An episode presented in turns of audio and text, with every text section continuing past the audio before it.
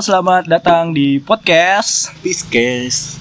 Udah lama nggak taping, udah lama nggak ngerekam, Lama nggak upload. udah lama nggak upload. gitu. Banyak yang mau dibicarakan sebenarnya, tapi ya karena kondisi juga, kondisi cuaca, yang Kesehatan, keuangan, kesehatan keuangan, masalah cinta. masalah cinta, banyak faktor. Semua dijadikan faktor. Ya, semua dijadikan faktor. Tergantung niat aja. Sebenarnya malas kan. Oke, kali ini kami nggak berdua ya, kami Nah, bintang tamu spesial. bintang tamu spesial. Paling. Nggak paling lah. Paling. Kita belum menemukan yang paling nih. Paling. Cuman karena karena pembahasannya relate sama bintang tamu aja kita undang gitu kan. Jadi chapter kali ini apa yang mau kita bahas? ya? Corona effect, Corona effect. corona effect dari segi ekonomi kita gitu. Positif negatif. Ya positif negatifnya lah kita bahas. Siapa bintang tamu kita kali ini?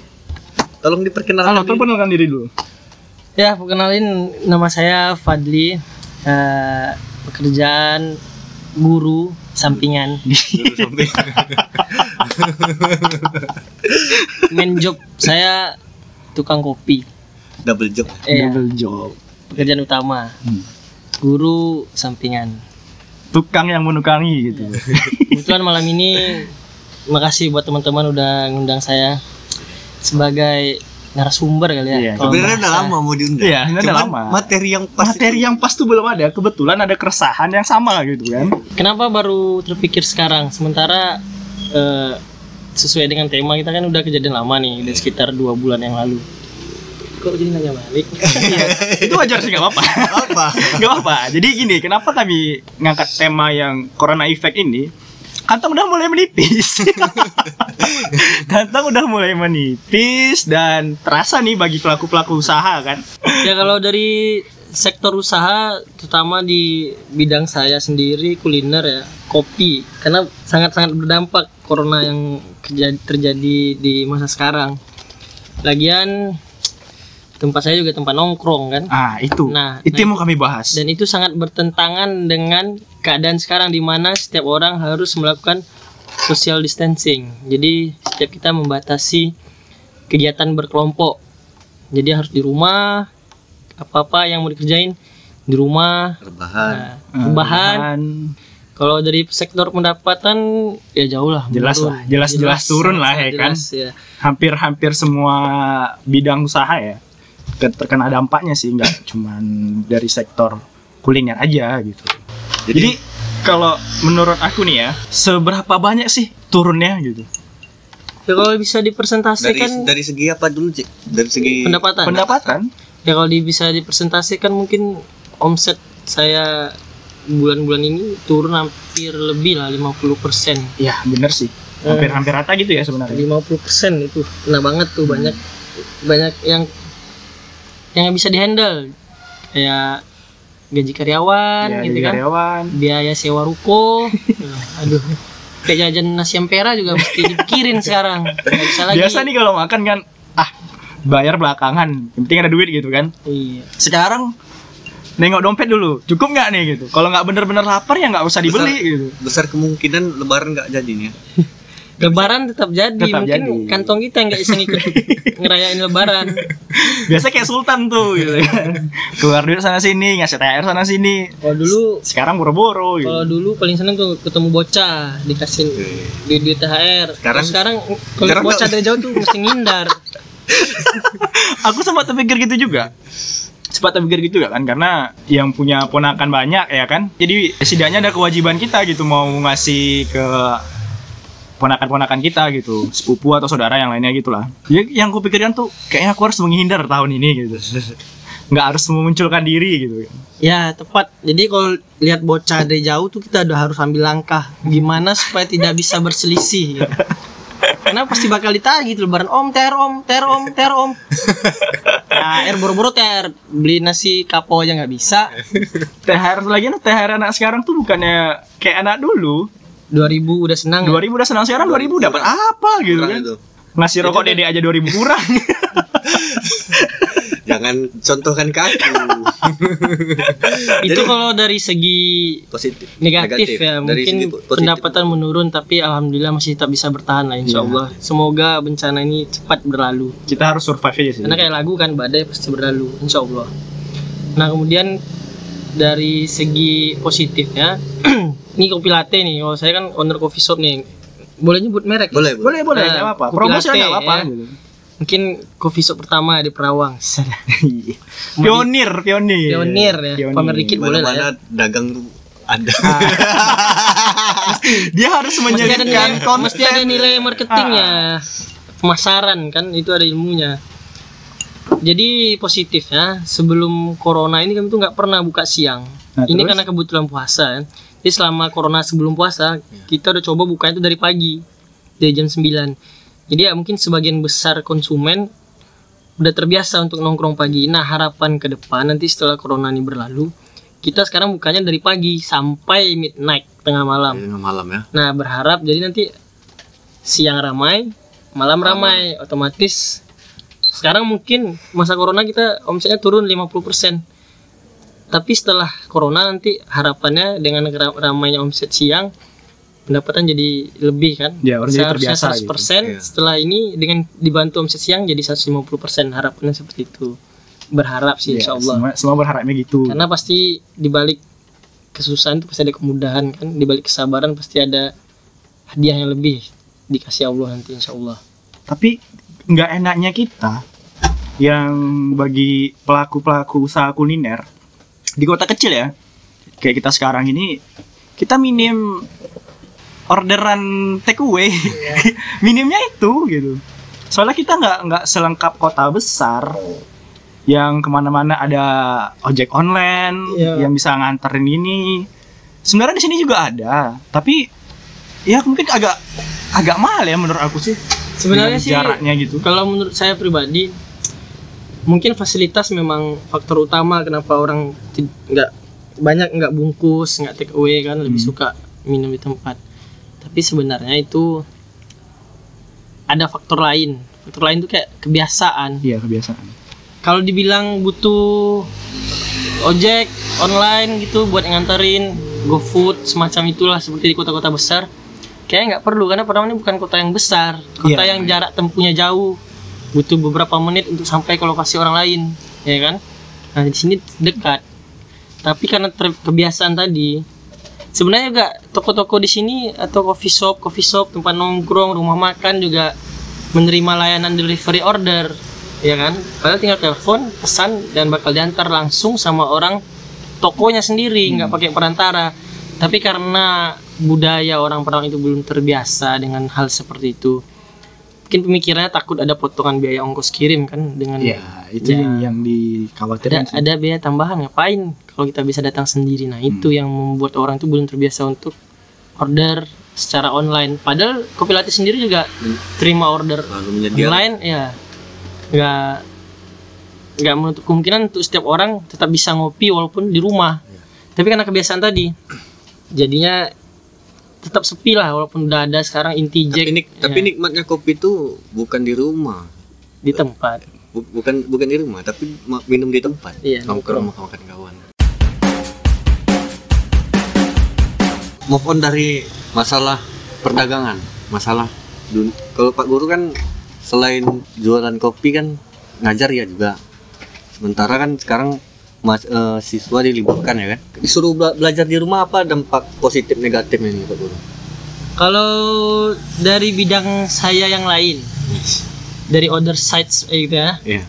Eh, dari pekerjaan saya sebagai seorang guru kalau dari sektor pendapatan mungkin nggak berpengaruh karena udah pegawai kan tetap digaji walaupun kita nggak ke sekolah ya mau nggak ngajar juga pendapatannya segitu tetap Nggak cuman dampak ke siswa kalau siswa positifnya dari siswa yang tidak mengetahui teknologi sekarang mereka jadi lebih akrab dengan teknologi. Kalau dulu mungkin sebagian besar di tempat saya mengajar tuh siswanya gaptek ya. Karena kan dia daerah agak terpencil ya. Pinggiran ya marginal. Nah kalau sekarang mungkin mau nggak mau siswa tetap harus eh, paham teknologi. Harus akrab dengan teknologi kan. Nah itu sisi positifnya. Sisi negatifnya mungkin lebih banyak ketimbang sisi positifnya Eh, siswa tidak bisa bertatapan langsung banyak materi-materi yang tidak bisa diserap, diserap secara sempurna kan. Karena ada keterbatasan kita menjelaskan via daring atau dalam jejaring dengan eh, tatap muka langsung. Banyak hal-hal yang nggak bisa ya contoh nih kalau pribadi saya bidang olahraga. Dalam pelajaran olahraga itu yang dituntut tuh harus aktivitas motorik atau kegiatan fisik yang bergerak. Kan itu kan harus langsung direct dia nggak mungkin dong diajarin via online berenang via online ya kan? Main bola via online gawang sana satu gawangnya di sini satu. Eh, mending main PS aja. iya, mending main PS e-sport jadinya. Yang olahraga tangan jadi. Iya. Main E-sport. PES aja gitu. ya it- itu keterbatasannya kan lucu ya. Kalau materi materi materi materi mungkin materi bisa didapat di mana saja tanpa saya memberi juga mereka bisa dapat. Di Google juga banyak sekarang. Tapi kalau aktivitas motoriknya itu fisiknya itu Apalagi Nah. untuk anak-anak sekolah dasar ya, iya eh, yang yang dengan memang harusnya berkembang gitu kan. itu menjadi keterbatasan terutama di bidang yang saya ampu kemudian eh, secara teknologinya nggak semua siswa mungkin memiliki ya kalau sekarang kan harus mesti punya Android ya Iya. Semua siswa orang tuanya mampu beli itu mampu oke Benar. mungkin dia punya HP atau punya Android tapi dia nggak nggak punya duit buat beli beli paketnya paketnya nah lagi. itu problem dan pemerintah tidak subsidi paket Iya. buat dalam situasi yang sekarang Tapi sebenarnya lebih bagus ada subsidi gitu. kenapa karena gitu karena penggiat kayak aku gini gitu. Kalau disubsidi aku yang mati. ada ada dampak dampaknya dampaknya ke aku gitu. ya mungkin di satu sisi di satu sisi ada yang diuntungkan dan di sisi lain ada yang dirugikan Iya. namanya hidup tetap seperti mata pisau kan ya begitulah kira-kira eh, kalau dari sisi saya seorang tenaga pendidik atau guru Apa yang harus kita lakukan gitu? Mengikuti anjuran dari pemerintah atau selagi daerah itu nggak kena dampaknya yang terlalu berlebihan kayak di daerah sana ya gitu ya. Iya. Tetap aktivitas seperti biasa atau gimana gitu? Kalau secara pribadi pandangan saya ini yang lain boleh setuju, boleh enggak. Kan namanya pandangan bebas, Iya. ya kan? Eh kan di daerah kita ini belum ada kasus yang positif. Hmm. Otomatis secara tidak langsung menjelaskan bahwa wilayah kita masih eh, negatif kan masih aman lah untuk melakukan aktivitas sehari-hari, rutinitas sehari-hari. Jadi saya rasa seharusnya pemerintah setempat atau pemerintah daerah kita tetap memberi izin akses aktivitas kepada masyarakatnya. Ya walaupun terbatas. Mungkin PSBB kan memang pembatasan tapi skalanya besar. Terlalu banyak hal yang dilarang. Seharusnya ada hal-hal yang mungkin masih bisa dilonggarkan. Dan menurut saya yang harus diketatkan itu bukan kita yang dalam. Kita kan internal nih daerah ini. Hmm. ya kan? Iya, iya. seharusnya yang diketatkan itu di bordernya. Daerah daerah pintu masuk ke wilayah kita. Kan kita di daerah Perawang nih Iya, misalnya. benar-benar. sementara kita sendiri di sini belum ada yang positif. Masih alhamdulillah negatif semua kan. Masih sehat-sehat aja. Jadi yang harus diperhatikan itu pintu masuk ke sini. Nah di situ yang harus ditingkatkan orang-orangnya penjagaannya pengawasannya. Jadi sehingga yang di dalam ini kita nggak terbatas. Kegiatan kita roda, roda ekonomi tetap berputar ya kan? Jadi banyak hal yang positif lah ketimbang sekarang. Di perbatasan nggak dijaga keluar masuk orang bebas ke wilayah Perawang. Tapi yang di dalam yang kita yang sehat-sehat malah diuber-uber kan? Tiap malam disuruh bubar. Lagi saya sih ngopi disuruh bubar. ya, bertiga juga nongkrong disuruh bubar. Nah polisi itu tiga truk itu satu truk ada 10 orang tiga truk ada 30 orang mereka bergerombol kenapa nggak mereka nggak bubarin diri sendiri aja Seakan-akan jadi penjahat gitu. Iya kan log- logikanya terbalik ya. Kita yang cuma tiga orang, kalau di kedai saya nih ya, eh, mungkin sudah diimbaukan, diberitahukan untuk setiap pelanggan itu memakai masker, oke kan? Mungkin dari rumah, kan kita tahu orang sehat nggak sehat, kalau dia nggak sehat nggak mungkin lah dia nongkrong keluar Iya. kan? Pasti dia dia, pun bakal merasa sadar ya kan Ah, sadar. dirinya ini ancaman kesadaran kesadaran mungkin udah tinggi. Ya, ngapain dia keluar kalau dia sehat nggak nggak sehat? Kemudian di sini juga mesti jaga jarak, ada pembatasan wilayah kan satu meja cuma boleh dua orang dengan jarak minimal satu meter nah kalau ukuran meja kan pas satu meter ini enggak polisinya sendiri tuh satu truk mau sampai 30 dua 10 orang tiga truk udah 30 orang nah kenapa nggak mereka aja yang membubarkan diri sendiri? Kenapa harus membubarkan orang yang sudah ada niat dan usaha untuk membatasi diri kan? Ya alhamdulillahnya di, di tempat kita nih masih belum sampai pada titik dilarang berjualan Ya. titik zo- titik zona merah ya? Iya. masih boleh daga- eh, dagang masih boleh jualan tapi ya bungkus. Ya kalau bungkus seberapa orang yang mau bungkus seperti pembahasan kita pertama tadi karena di kedai kopi yang dicari orang tuh tongkrongan. Tempat duduk cerita. Ngefeknya anak tongkrongan sih jadi sebenarnya. seharusnya kalau menurut saya yang dijaga itu pintu masuk. Jangan yang di dalam ini diuber-uber nih. Contohnya kita ikan dalam akuarium. Ikannya sehat ya kan? Dalam akuarium. Airnya jernih bagus makannya lancar. Masuk ikan Kemudian baru. karena kita mendengar isu corona, ikan yang dalam tadi yang kita sehat kita pikir sakit, terus kita ubek-ubek tuh akuariumnya, ya kan? Bukannya malah memperhatikan ikan yang akan kita masukin.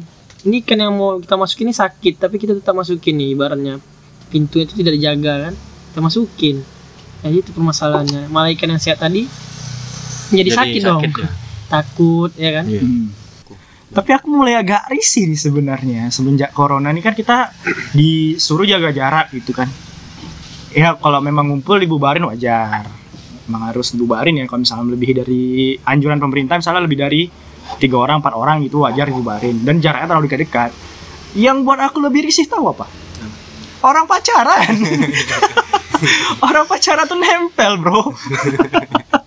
dan dan tidak tidak tidak memungkinkan itu saling bersentuhan kulit antar kulitnya itu bersentuhan mungkin orang tuh di rumah mungkin ada yang pakai hand mungkin, sanitizer mungkin gitu yang kan. pacaran belum terbiasa pacarannya eh, melalui via telepon atau video call. Ya setidaknya harus ditahan dulu gitu kan. Mending kalau keluarnya naik mobil gitu kan naik mobil. Satu di depan satu di belakang gitu. Terus kalau yang naik motor gimana? Iya. nggak mungkin dong duduk di motor jaraknya satu meter emang kan kenapa jarak satu meter?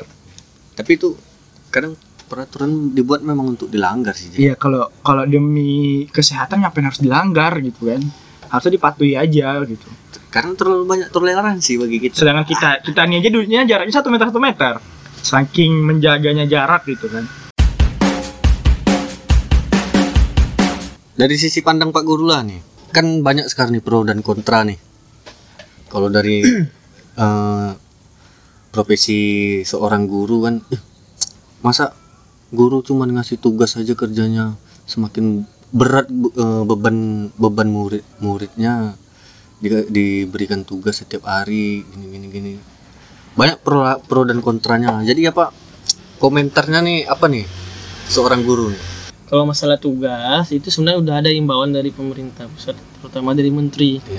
Memang siswa itu seharusnya dikasih tugas, tapi tidak berlebihan. Eh, disesuaikanlah dengan jadwal siswa.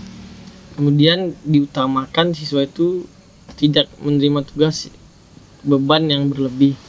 Kalau untuk siswa SD, mungkin nggak kepada materinya ditekankan, tapi kepada pengetahuan siswa tentang penyakit corona.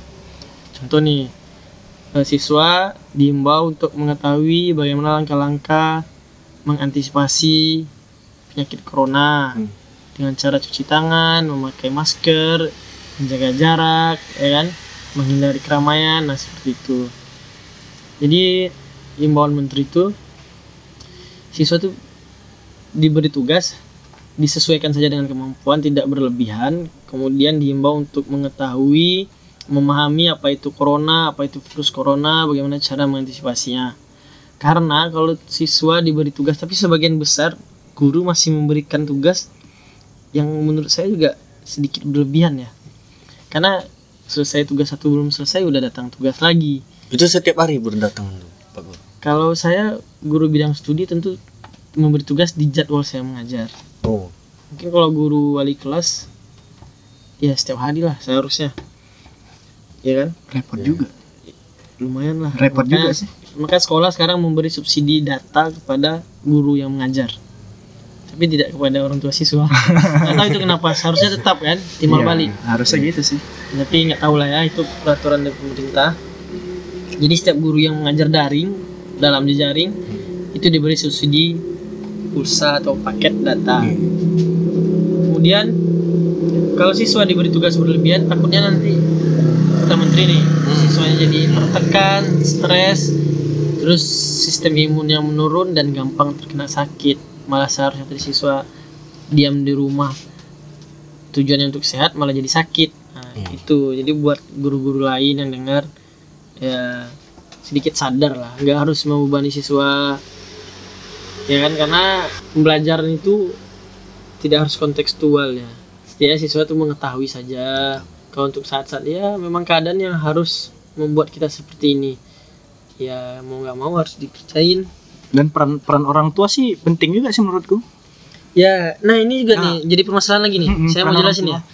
Peran orang tua nih sekolah sudah diliburkan guru sudah memberi tugas tapi malah pengawasan orang tua yang longgar malah dibiarin sis- siswa. Ini kebanyakan nih terjadi sama siswa-siswa SMA nih. Masih malah banyak yang nongkrong-nongkrong di luar bukan malah diperhatiin anaknya di rumah disuruh di rumah aja dibiarin tuh nongkrong. Jadinya kayak usaha yang dilakukan pemerintah dan apa yang diberikan guru itu jadinya sia-sia. Seharusnya kita memutus mata rantai penyebaran COVID-19 oleh mereka sendiri yang buat. Hmm. gunanya liburin buat apa dong kalau seperti itu ya kan? Dan saya nggak gagal paham nih sama orang tua orang tua yang seperti ini. Nah itu yang dari tadi gue pikirkan. tapi buat orang tua yang sudah membatasi aktivitas anaknya tetap menjaga anaknya tetap di rumah ah, saya ucapkan terima kasih karena telah berperan aktif bukan buat pemerintah bukan buat kita semua tapi buat dirinya keluarga. sendiri ya buat keluarganya sendiri seharusnya jadi melakukan itu jangan berpikir untuk orang lain tapi ya untuk diri kita manfaatnya untuk kita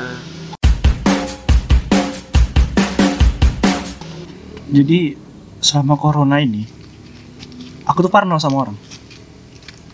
Parnonya gimana? Aku kan hampir setiap hari kan ketemu orang gitu.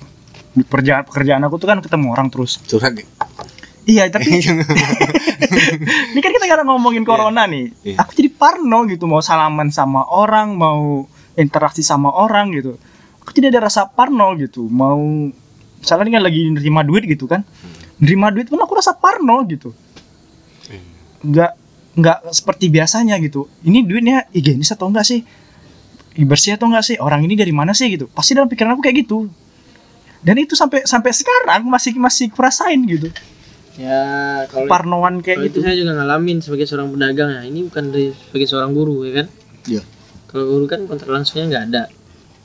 Eh, bisa jauhan. Kalau itu kan terima duit. Mm-mm. Ya kalau anda takut, sediaan dong sanitizer, hand sanitizer.